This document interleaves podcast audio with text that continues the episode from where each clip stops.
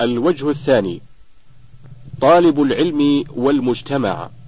الهامش مجلة البحوث الإسلامية رقم 47 الشيخ بن باز رحمه الله من الصفحة الثالثة والستين وحتى السادسة والستين بعد المئة. انتهى الهامش. السؤال من أكبر المشكلات التي يعاني منها طالب العلم مشكلة انصراف المجتمع عنه وعن علمه فهو لا يشعر بمكانه المناسب له في المجتمع. لأن المجتمع المادي في هذا العصر لا يقيس الأشخاص إلا بمقدار الكسب المادي الحاصل من أي عمل فما هو العلاج في نظر فضيلتكم؟ وكيف يعمل طالب العلم؟ هل يكون في مجتمع خاص يستطيع أن يتعلم ويعيش فيه؟ أم ماذا يصنع؟ أرجو أن تقدموا لنا النصيحة التي استفدتموها عن شيوخكم واستفادها شيوخكم عن شيوخهم. الجواب هذا الذي قاله السائل ليس بصحيح. ولكن الصحيح أن العلم يقدم أهل العلم ويرفع أهله في كل مجتمع. فلو ذهب إلى أمريكا أو إنجلترا أو فرنسا أو أي مكان لرفعه علمه بين الأقليات الإسلامية وبين من يدعوهم إلى الله على بصيرة من نفس المشركين لأنهم سينقادون إلى الحق إذا عرفوه بأدلته الواضحة وبأخلاق أهله الكريمة. فالإسلام هو دين الفطرة وهو دين العدالة والأخلاق ودين القوة ودين النشاط ودين المواساة ودين كل فضيلة. فطالب العلم الذي يسير على بصيرة يعرف الأدلة الشرعية ويعرف أحكام الإسلام ويعمل بها. مرفوع الرأس أينما كان محترما ومحترما وهو محترم أينما حل ولا سيما بين جماعته وأهل بلده. إذا عرفوا منه العلم والنصح والصدق وعدم العجلة التي ليس لها ما يبررها بل يكون طبيبا حكيما يدعو إلى الله بالحكمة والرفق فهذا مرفوع الرأس ومحترم أينما كان في قرية أو قبيلة أو غير ذلك إذا كان متخلقا بالعلم قولا وعملا مبتعدا عن أخلاق الفساق والمجرمين. فإن هذا وأمثاله محبوب عند الله وعند عباده الصالحين ما دام يعلم ويعمل وينصح إخوانه ويعطف عليهم ويحرص على نفعهم بعلمه وأخلاقه وماله وجاهه كما فعل الأنبياء والصالحون. والقول بأن طالب العلم لا محل له في المجتمع ولا يلتفت إليه قول في عمومه باطل غير موافق للواقع كما بينا. فطالب العلم البصير بدينه الناصح لله ولعباده مرفوع الرأس ومحترم أينما كان في الطائرة وفي القطار وفي البر والبحر وفي أي مكان إذا أخلص لله وأظهر العلم والدعوة إلى الله وأحسن إلى الناس بالرفق والكلام الطيب. فله البشرى والعاقبة الحميدة والثناء الحسن من المجتمع والأجر العظيم من الله عز وجل كما قال تعالى إنه من يتقي ويصبر فإن الله لا يضيع أجر المحسنين. سورة يوسف الآية تسعون وكما قال سبحانه والذين جاهدوا فينا لنهدينهم سبلنا وإن الله لمع المحسنين. سورة العنكبوت الآية التاسعة والستون. وقال جل وعلا يخاطب نبيه محمدا صلى الله عليه وسلم فاصبر إن العاقبة للمتقين. سورة هود الآية التاسعة والأربعون. والآيات في هذا المعنى كثيرة. ثم لو قدر أن بعض الدعاة إلى الله لم يحصل مطلوبة بل أوذي وامتحن أليس له قدوة في الرسل الذين أوذوا وامتحنوا وأهانهم الناس بل قتلوا بعضهم؟ فلطالب العلم أسوة فيهم عليهم الصلاة والسلام وفي تحملهم وصبرهم. ولو فرضنا أن طالب العلم ما وجد الاحترام بين الناس فإن ذلك لا يضره لأنه لم يطلب العلم لهذا وإنما طلب العلم لإنقاذ نفسه من الجهالة ولإخراج الناس من الظلمات إلى النور فإن قبلوا منه ورفعوا مكانته فالحمد لله وإلا فهو على خير ولو قتلوه أو أهانوه فله أسوة بالرسل عليهم الصلاة والسلام وبخاتمهم محمد صلى الله عليه وسلم فقد أوذي وأخرج من بلاده مكة إلى المدينة. فالداعي إلى الله إلى الله سبحانه الصادق المخلص له البشرى بالخير والعزة والكرامة وحسن العاقبة إذا سلك الطريق السوي وكان على خلق عظيم وهدى وسيرة حميدة. ومن غير عنف ولا شدة ولا دخول فيما لا يعنيه فإنه على خير عظيم كما حصل للأنبياء والرسل عليهم الصلاة والسلام ولخاتمهم وأفضلهم. وإمام الدعاة والمجاهدين نبينا محمد صلى الله عليه وسلم ثم ما حصل للتابعين لهم بإحسان والله ولي التوفيق. حكم وسم أذن الدابة أو خرقها أو قرضها. الهامش فتاوى إسلامية اللجنة الدائمة الجزء الرابع رقم 446 انتهى الهامش. السؤال أفتانا شيخ بأن وسم أذن الدابة أو خرقها أو قرضها جزئيا أو كليا هو أمر من الشيطان وهو يسبب لعنة الله على فاعل هذا الشيء فهل هذا صحيح أم لا؟ الجواب الأصل في الإسلام احترام بهيمة الأنعام وعدم إيذائها بوسم أو خرقها أو قرضها جزئيا أو كليا أو بغير ذلك إلا إذا كان لحاجة ظاهرة كأن يريد تعليمها بشيء تعرف به له أو لغيره من وسم بنار في غير الوجه أو شق سنام الإبل الذي التي تساق هديا فلا بأس بذلك ما دام ذلك في حدود الحاجة ولغرض صحيح. فقد ثبت في الصحيحين عن أنس رضي الله عنه قال غدوت إلى رسول الله صلى الله عليه وسلم بعبد الله بن أبي طلحة ليحنكه فوافيته وفي يده الميسم يسم إبل الصدقة. الهامش رواه البخاري في الزكاة رقم 1502 ومسلم بنحوه في اللباس رقم 2119 انتهى الهامش. ولأحمد وابن ماجه دخلت على النبي صلى الله عليه وسلم وهي وهو يسم غنما في آذانها. الهامش رواه أحمد في الصفحة رقم 71 و254 و259 وابن ماجه في اللباس رقم 3565 وراجع البخاري في الذبائح رقم 5542 ومسلم في اللباس آه، تحت 2119 انتهى الهامش. وثبت في صحيح البخاري عن المسور ابن مخرمة ومروان قال خرج النبي صلى الله عليه وسلم في بضع عشرة وفي بضع عشرة ومئة من أصحابه حتى إذا كانوا بذي الحليفة قلد النبي صلى الله عليه وسلم الهدي وأشعره. الهامش رواه البخاري في الحج رقم 1694 و 1695 انتهى الهامش. والإشعار هو أن يجرح سنام البدنة حتى يسيل الدم ثم يسلته فيكون ذلك علامة على كونه هديا. أما الوسم في الوجه فلا يجوز لأن الرسول صلى الله عليه وسلم نهى عن ذلك ولعن من فعله. الهامش راجع صحيح مسلم في اللباس رقم 2117 انتهى الهامش. وبالله التوفيق وصلى الله على عبده ورسوله محمد وصحبه وسلم. حكم وسم البهائم أو الدواب للتمييز بينها السؤال توجد أدلة في الفقه على تحريم وسم البهائم أو الدواب في وجهها ونحن معشر البادية نضطر إلى وسم الدواب للتمييز بين الدواب حيث تختلط في المرعى مع دواب الغير وحيث تمنع السارق ويصعب عليه بيعها فهل يجوز لنا ذلك؟ الجواب نعم يجوز للغرض المذكور في السؤال إذا كان في غير الوجه لما روى الشيخان رحمهم الله في صحيحيهما عن أنس رضي الله عنه قال غدوت إلى رسول الله صلى الله عليه وسلم فوافيته وفي يده الميسم يسم إبل الصدقة. الهامش رواه البخاري في الزكاة رقم 1502 ومسلم في اللباس رقم 2119 انتهى الهامش. وفي لفظ لأحمد وابن ماجه رحمهم الله عنه دخلت على رسول الله صلى الله عليه وسلم وهو يسم غنما في آذانها.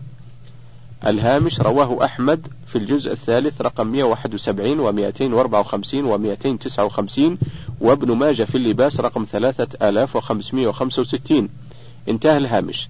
أما الوسم في الوجه فلا يجوز لأن الرسول صلى الله عليه وسلم زجر عن ذلك. الهامش فتاوى إسلامية اللجنة الدائمة الجزء الرابع رقم 448 انتهى الهامش. التسلي بالطيور في الأقفاص. الهامش فتاوى إسلامية الشيخ بن باز رحمه الله الجزء الرابع رقم 449 انتهى الهامش.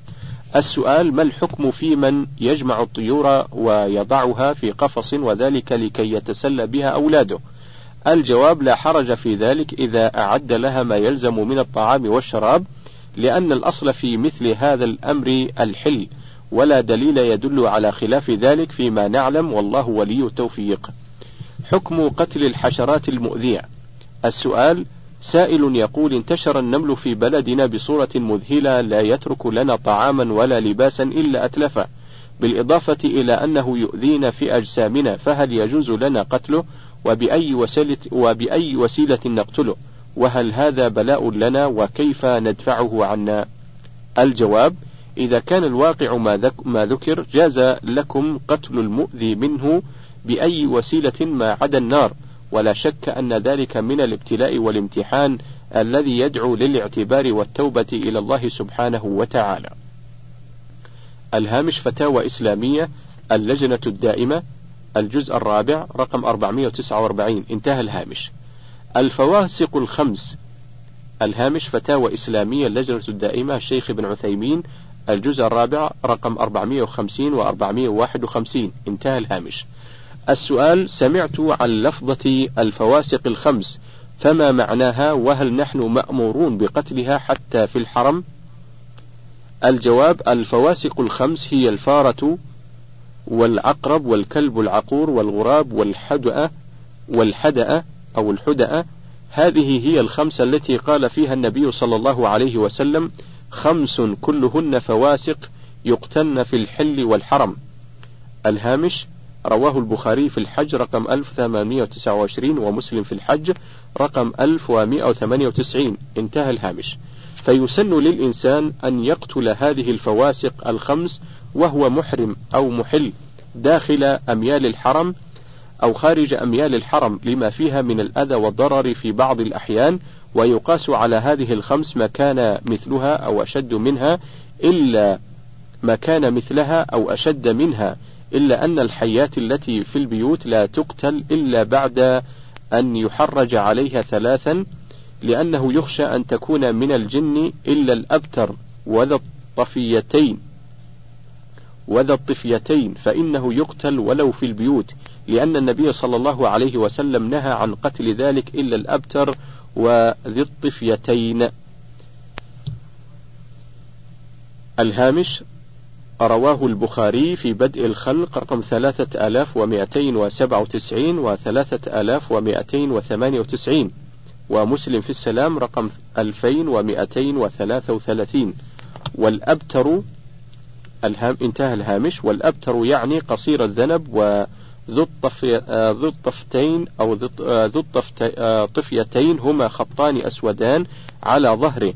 فهذان النوعان يقتلان مطلقا وما عداهما لا يقتل ولكن يحرج عليه ثلاث مرات بأن يقول لها أحرج عليك أن تكوني أحرج عليك أن, أن تكوني في بيتي أو كلمة نحوها يدل على أنه ينذرها ولا يسمع ولا يسمح لها بالبقاء في بيته فإن بقيت بعد ذلك فإنها ليست بجن أو لو كانت جنا فقد أهدرت حرمتها فحينئذ يقتلها. ولكن لو اعتدت عليه في هذه الحال فله أن يدافعها ولو لأول مرة. يدافعها فإن أدت المدافعة إلى قتلها أو لم يندفع أذاها إلا بقتلها فله أن يقتلها حينئذ لأن ذلك من باب الدفاع عن النفس. حكم قتل الحشرات التي في البيوت. الهامش فتاوى إسلامية الشيخ بن باز رحمه الله الجزء الرابع رقم 451 انتهى الهامش. السؤال الحشرات التي توجد في المنزل مثل النمل والصراصير وما أشبه ذلك هل هل يجوز قتلها بالحرق؟ وإن لم يجوز فماذا نفعل؟ الجواب هذه الحشرات إذا حصل منها الأذى تقتل بالمبيدات الحشرية ولا تقتل بالنار. يقول رسول الله صلى الله عليه وسلم خمس من الدواب كلهن فواسق يقتن في الحل والحرم. الغراب والحدأة والكلب العقور والعقرب. الهامش رواه البخاري في الحج رقم 1829 ومسلم في الحج رقم 1198 انتهى الهامش. وفي لفظ آخر والحية سادسة. هذه أخبر النبي صلى الله عليه وسلم عن أذاها وأنها فواسق وقد خرجت عن طبيعة غيرها من عدم الأذى ولهذا قال يقتن في الحل والحرم. وهكذا إذا وجد وجد الأذى من غيرها كالنمل أو الصراصير أو الخنافس أو غيرها مما يؤذي فإنها تقتل بالمبيدات الحشرية وليس بالنار والله ولي التوفيق. نصائح وتوجيهات لشاب في العشرين. الهامش فتاوى إسلامية اللجنة الدائمة الجزء الرابع رقم 498 انتهى الهامش. السؤال كيف يسلم المسلم وماذا يعمل المسلم في هذه الحياة المادية التي طغت فيها المادة على الناس طغيانا شديدا حتى قست قلوبهم والعياذ بالله من ذلك. وما هي نصائحكم وتوجيهاتكم لي كشاب في سن العشرين آه، مقبل على الدنيا؟ وما هي الكتب التي تنصحوننا بقراءتها؟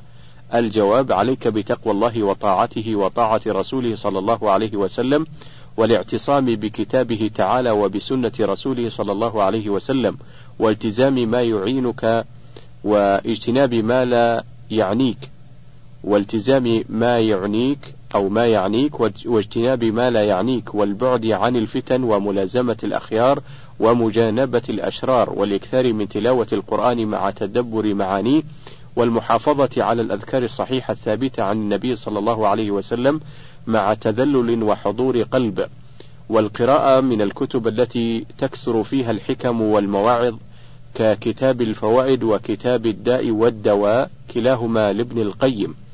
وادع الله في سجودك بما ورد في السنة من الأدعية مع تضرع وخشوع.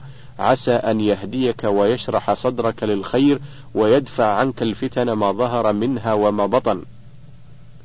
ومن الكتب المفيدة زاد المعاد في, هي في هدي خير العباد وإغاثة اللهفان كلاهما لابن القيم رحمه الله. وككتاب فتح المجيد شرح كتاب التوحيد مع العناية بالصحيحين وتفسير ابن كثير وصلى الله على نبينا محمد وصحبه وسلم. تقوية الإيمان الهامش فتاوى إسلامية اللجنة الدائمة الجزء الرابع رقم 495 انتهى الهامش. السؤال: كيف يكون المرء قوي الإيمان مطبقا لأوامر الله خائفا من عقابه يكون ذلك بتلاوة القرآن يكون ذلك بتلاوة كتاب الله ودراسته وتدبر معانيه وأحكامه وبدراسة سنة النبي صلى الله عليه وسلم ومعرفة تفاصيل الشريعة منها والعمل بمقتضى ذلك والتزامه عقيدة وفعلا وقولا ومراقبة الله وإشعار القلب عظمته وتذكر اليوم الآخر وما فيه من حساب وثواب وعقاب وشدة وأهوال وبمخالطة من يعرف من الصالحين ومجانبة أهل الشر والفساد. وصلى الله وسلم على نبينا محمد وآله وصحبه. توجيهات للشباب. الهامش فتاوى إسلامية الشيخ بن جبرين الجزء الرابع رقم 495 انتهى الهامش. السؤال كشاب ما هي توجيهاتكم لي؟ ننصحك بتحقيق صفة الإسلام الظاهرة والباطنة وإظهار شعائره وبغشيان مجالس العلماء والاستفادة منهم واختيار الأصحاب والرفقاء الصالحين الناصحين من الشباب الطيب وهجر جلساء السوء الذين يرغبون في المعاصي ويكسلون عن الطاعة ويهونون أمر العبادة وننصحك بقراءة كتب السلف الصالح. الله مع الصابرين الهامش فتاوى إسلامية الشيخ ابن عثيمين الجزء الرابع رقم 495 و 496 انتهى الهامش. السؤال كثيرا ما أحدث نفسي على أن أكون إنسانا قوي الإيمان ثابتا في عقيدته متمسكا بدينه يحب الله ورسوله صلى الله عليه وسلم ولكنني بعد فترة أجد فتورا في ذلك ثم يرجع إلي ذلك العزم وهكذا حتى أصبحت متضايقا جدا. أرجو يا شيخنا أن تدلني على الطريق الصحيح الذي أسلكه ليكون إيماني ثابتا. الجواب الطريق الصحيح هو أن تبقى على ما يحدث لك من صفاء القلب ومحبة الخير وهذا الذي يعتريك يعتري غيرك أيضا فبعض الناس يعتريهم هذا فيصبرون ويصابرون ويعينهم الله على أنفسهم. تعلموا السحر ولا تعملوا به حديث باطل. الهامش صحيح مجموع فتاوى سماحة الشيخ بن باز رحمه الله الجزء الأول رقم 653 و 654 انتهى الهامش. السؤال ما صحة حديث سم... ما صحة حديث سمعته عن النبي صلى الله عليه وسلم تعلموا السحر ولا تعملوا به؟ الجواب هذا الحديث باطل لا أصل له ولا يجوز تعلم السحر ولا العمل به وذلك منكر بل كفر وضلال. وقد بين الله إنكاره للسحر في كتابه الكريم في قوله تعالى واتبعوا واتبعوا ما تتلو الشياطين واتبعوا ما تتلو الشياطين على ملك سليمان وما كفر سليمان ولكن الشياطين كفروا يعلمون الناس السحر وما أنزل على الملكين ببابل هاروت وماروت وما يعلمان من أحد حتى يقول إنما نحن فتنة فلا تكفر فيتعلمون منهما ما يفرقون به بين المرء وزوجه وما هم بضارين به من أحد إلا بإذن الله ويتعلمون ما يضرهم ولا ينفعهم. ولقد علموا لمن اشتراه ما له في الآخرة من خلاق, من خلاق ولبئس ما شروا به أنفسهم لو كانوا يعلمون. ولو أنهم آمنوا واتقوا لمثوبة من عند الله خير لو كانوا يعلمون. سورة البقرة الآيتان الثانية والثالثة بعد المئة. فأوضح سبحانه في هذه الآيات أن السحر كفر وأنه من تعليم الشياطين وقد ذمهم الله على ذلك وهم أعداؤنا ثم بين أن تعليم السحر كفر وأنه يضر ولا ينفع. فالواجب الحذر منه لأن تعلم السحر كله لأن تعلم السحر كله كفر ولهذا أخبر عن الملكين أنهما لا يعلمان الناس حتى يقول للمتعلم إنما نحن فتنة فلا تكفر ثم قال وما هم بضارين به من أحد إلا بإذن الله. فعلم أنه كفر وضلال وأن السحرة لا يضرون أحدا إلا بإذن الله. والمراد بذلك إذنه سبحانه الكوني القدري لا الشرعي الديني لأنه سبحانه لم يشرعه ولم يأذن فيه شرعا بل حرمه ونهى عنه. وبين أنه كفر ومن تعليم الشياطين كما أوضح ذلك سبحانه أن كما أوضح سبحانه أن من اشتراه أي اعتاضه وتعلمه ليس له في الآخرة من خلاق أي من حظ ولا نصيب. وهذا وعيد عظيم ثم قال سبحانه ولبئس ما شروا به أنفسهم لو كانوا يعلمون والمعنى باعوا أنفسهم للشيطان بهذا السحر ثم قال سبحانه ولو أنهم آمنوا واتقوا لمثوبة من الله خير لو كانوا يعلمون. فدل ذلك على أن تعلم السحر والعمل به ضد الإيمان والتقوى ومناف لهما ولا حول ولا قوة إلا بالله. حكم حوافز الكبائن الهاتفية. السؤال سئل سماحة الشيخ عبد العزيز بن عبد الله بن باز مفتي عام المملكة العربية السعودية عن جواز حوا... عن جواز حوافز الكبائن الهاتفية. فأجاب سماحته بقوله إن الجوائز التي تمنح للمتصلين بالهواتف من مراكز الكبائن الهاتفية من أجل تحفيزهم على الاتصال أكثر من مرة لا تجوز لما في ذلك من المقامرة والتغرير بالناس وأكل المال بالباطل من أجل ترويج الاتصالات الهاتفية. وزيادة الدخل منها مع ما يتبع ذلك من الشحناء وإيقاد نار العداوة والبغضاء بين أصحاب المراكز أنفسهم وبين المتصلين. جاء ذلك في رد سماحته على بعض المستفتين حول هذا الخصوص. اقتناء الكلب في البيت. السؤال إن لدينا في البيت كلبا أنثى جلبناه وكنا لا نعرف حكم اقتناء الكلاب بدون حاجة. وبعد أن عرفنا الحكم طردنا الكلب ولم يذهب لأنه ألف البيت ولا أريد قتله. فما هو الحل؟ الفتوى مما لا شك فيه أنه يحرم على الإنسان اقتناء الكلب إلا في الأمور التي نص الشرع على جواز اقتنائه فيها. فإن من اقتنى كلبا إلا كلب صيد أو ماشية أو حرث انتقص من أجره كل يوم قيراط. الهامش رواه البخاري بنحوه في الذبائح والصيد رقم خمسة آلاف أربعمائة وثمانين وخمسة آلاف أربعمائة واثنين وثمانين ومسلم في المساقات رقم 1574 انتهى الهامش. وإذا كان ينتقص من أجره قيراط فإنه يأثم بذلك لأن فوات الأجر كحصول الإثم كلاهما يدل على التحريم أي على ما رتب عليه ذلك. وبهذه المناسبة فإني أنصح كل أولئك المغرورين الذين اغتروا بما فعله الكفار من اقتناء, الكلاب وهي خبيثة. ونجاستها أعظم نجاسات الحيوانات فإن نجاسة الكلاب لا تطهر إلا بسبع غسلات إحداها بالتراب. حتى الخنزير الذي نص الله في القرآن أنه محرم وأنه رجس فنجاسته لا تبلغ هذا الحد. فالكلب نجس خبيث. ولكن مع الأسف الشديد نجد أن بعض الناس اغتروا بالكفار الذين يألفون الخبائث فصاروا يفتنون فصاروا يقتنون هذه الكلاب بدون حاجة وبدون ضرورة يقتنونها ويربونها وينظفونها مع أنها لا تنظف أبدا مع أنها لا تنظف أبدا ولو نظفت بالبحر ما نظفت لأن نجاستها عينية ثم هم يخسرون أموالا كثيرة فيضيعون بذلك أموالهم. وقد نهى النبي صلى الله عليه وسلم عن إضاعة المال. الهامش راجع البخاري في الزكاة رقم 1477 ومسلم في الأقضية رقم 593 انتهى الهامش. فأنصح هؤلاء المغترين أن يتوبوا إلى الله عز وجل وأن يخرجوا الكلاب من بيوتهم.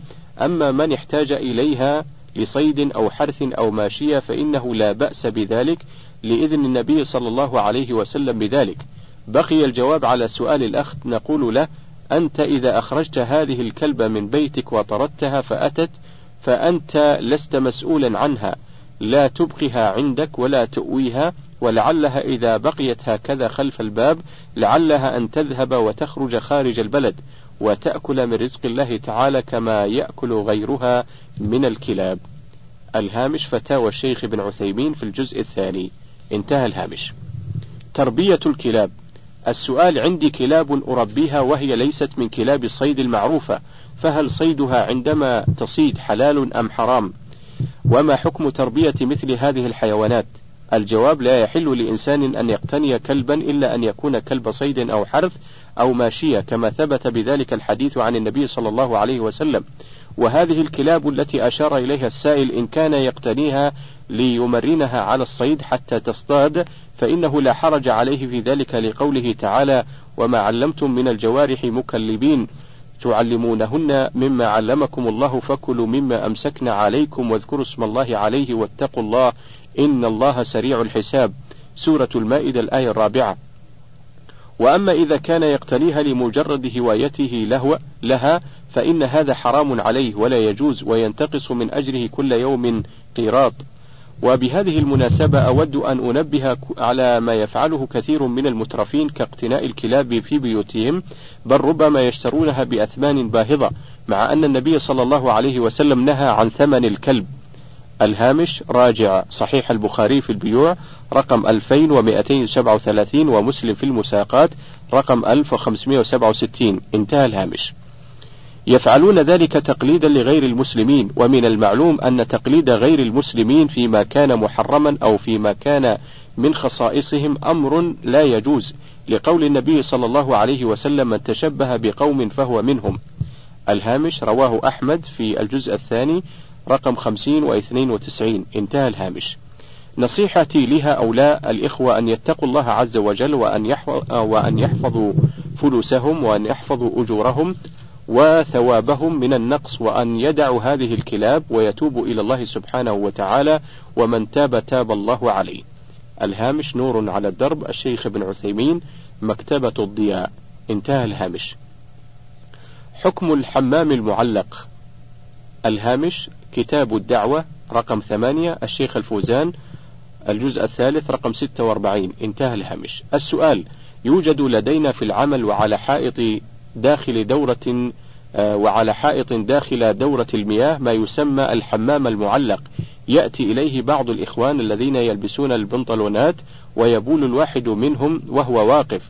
فكيف يضمن أن البول لا يصيب البنطلون آه، وفي يوم من الأيام نصحت شخصا ما فقال إن الرسول صلى الله عليه وسلم لم ينهى عن ذلك. أرجو النصح والإرشاد. الجواب يجوز للشخص البول وهو واقف إذا تحرز من رشاش من رشاش البول على بدنه وثيابه لأن النبي صلى الله عليه وسلم بال وهو واقف في بعض المرات.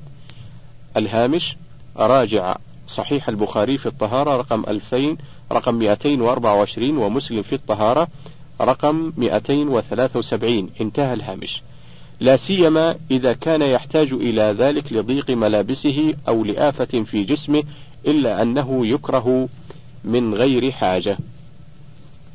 وبهذا ينتهي كتاب الفتاوى الشرعية في المسائل العصرية من فتاوى علماء البلد الحرام من إعداد خالد بن عبد الرحمن بن علي الجريسي ومن تقديم الشيخ سعد بن عبد الله البريك تم تسجيله والانتهاء من تسجيله يوم الأحد الرابع من شهر رمضان المبارك من عام عشرين وأربعمائة وألف للهجرة. نسأل الله تعالى أن ينفع به وصلى الله على نبينا محمد وعلى آله وصحبه أجمعين. والسلام عليكم ورحمة الله وبركاته. سجله لكم بعون الله وتوفيقه عبد اللطيف بن محمد الغامدي.